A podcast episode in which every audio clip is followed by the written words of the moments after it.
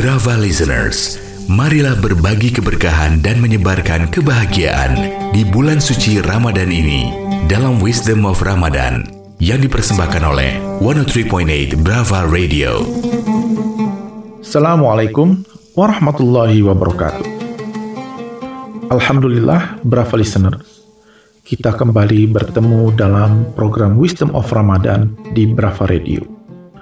Saya Nadir Zahosen dari kampus Monash University di Melbourne, Australia, kembali akan mengurai berbagai kisah dan hikmah untuk kita semua saling belajar dan saling memahami agar kita semua tetap optimis menjalani kehidupan ini. Ada ungkapan yang terkenal, seorang pesimis melihat kesulitan di setiap peluang yang ada. Tak peduli berapapun banyak peluang yang ada di depan matanya, seorang pesimis selalu melihat ada kesulitan di sana. Sedangkan seorang yang optimis, ia akan bisa menangkap peluang di setiap kesulitan. Ini artinya seorang yang pesimis selalu memulai hari-harinya dengan memikirkan masalah yang dia hadapi.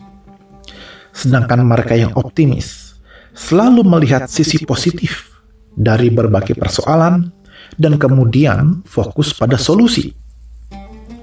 Orang pesimis akan memandang hidup ini dengan amarah, sementara orang optimis akan memandang hidup ini bagaikan sebuah amanah.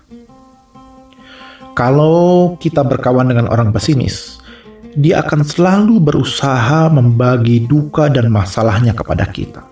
Selalu curhat. Namun jikalau kita berkawan dengan orang yang optimis, maka kawan kita ini akan berbagi ceria dan gairahnya. Kawan Anda yang pesimis, gayanya selalu nyinyir. Yang optimis, kebalikannya. Muka orang yang optimis itu selalu nyengir. Kita akan keliru kalau menganggap kenyamanan dan kekayaan akan membuat kita lebih optimis. Data dari Roy Morgan Survey yang dilaksanakan pada bulan Januari tahun 2020 menyatakan bahwa ternyata hanya 12% orang Australia yang optimis bahwa tahun 2020 akan lebih baik dari tahun 2019. Begitu juga hanya ada sekitar 43% orang Amerika yang optimis. Sementara di uh, Inggris hanya 33%. Padahal mereka negara-negara yang maju. Lantas uh, 10 negara yang mayoritas rakyatnya merasa optimis melebihi angka 50% ke atas.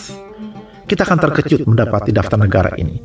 Ternyata eh, Nigeria 73% rakyatnya optimis, Peru dan Albania 70%, Kazakhstan 67%, Armenia 62%, Kosovo dan India 56%, Vietnam dan Meksiko 55% dan Azerbaijan 51%. Tidak satu pun dari negara-negara yang saya sebutkan tadi merupakan negara-negara superpower.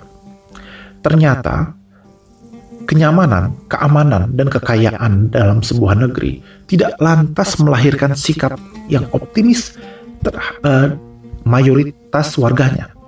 Justru sebaliknya, semakin banyak kekayaan, semakin banyak uh, hidup yang nyaman dialami oleh warganya, semakin banyak mereka yang merasa tidak nyaman.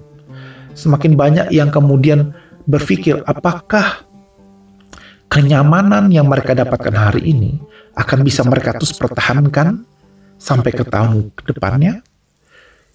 Ini artinya menumbuhkan sikap optimis tidak men, tidak perlu menunggu kita harus kaya raya dulu Optimis adalah persoalan perspektif hidup, cara pandang, sikap, bukan persoalan materi yang kita miliki.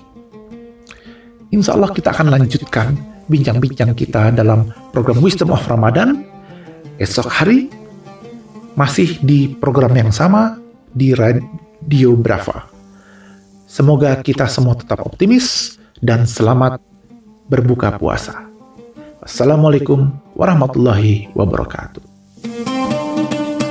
Profesor Dr. Nadir Syahosen, Rais Surya, pengurus cabang istimewa Nahdlatul Ulama Australia New Zealand untuk Wisdom of Ramadan. Wisdom of Ramadan dipersembahkan oleh 103.8 Brava Radio.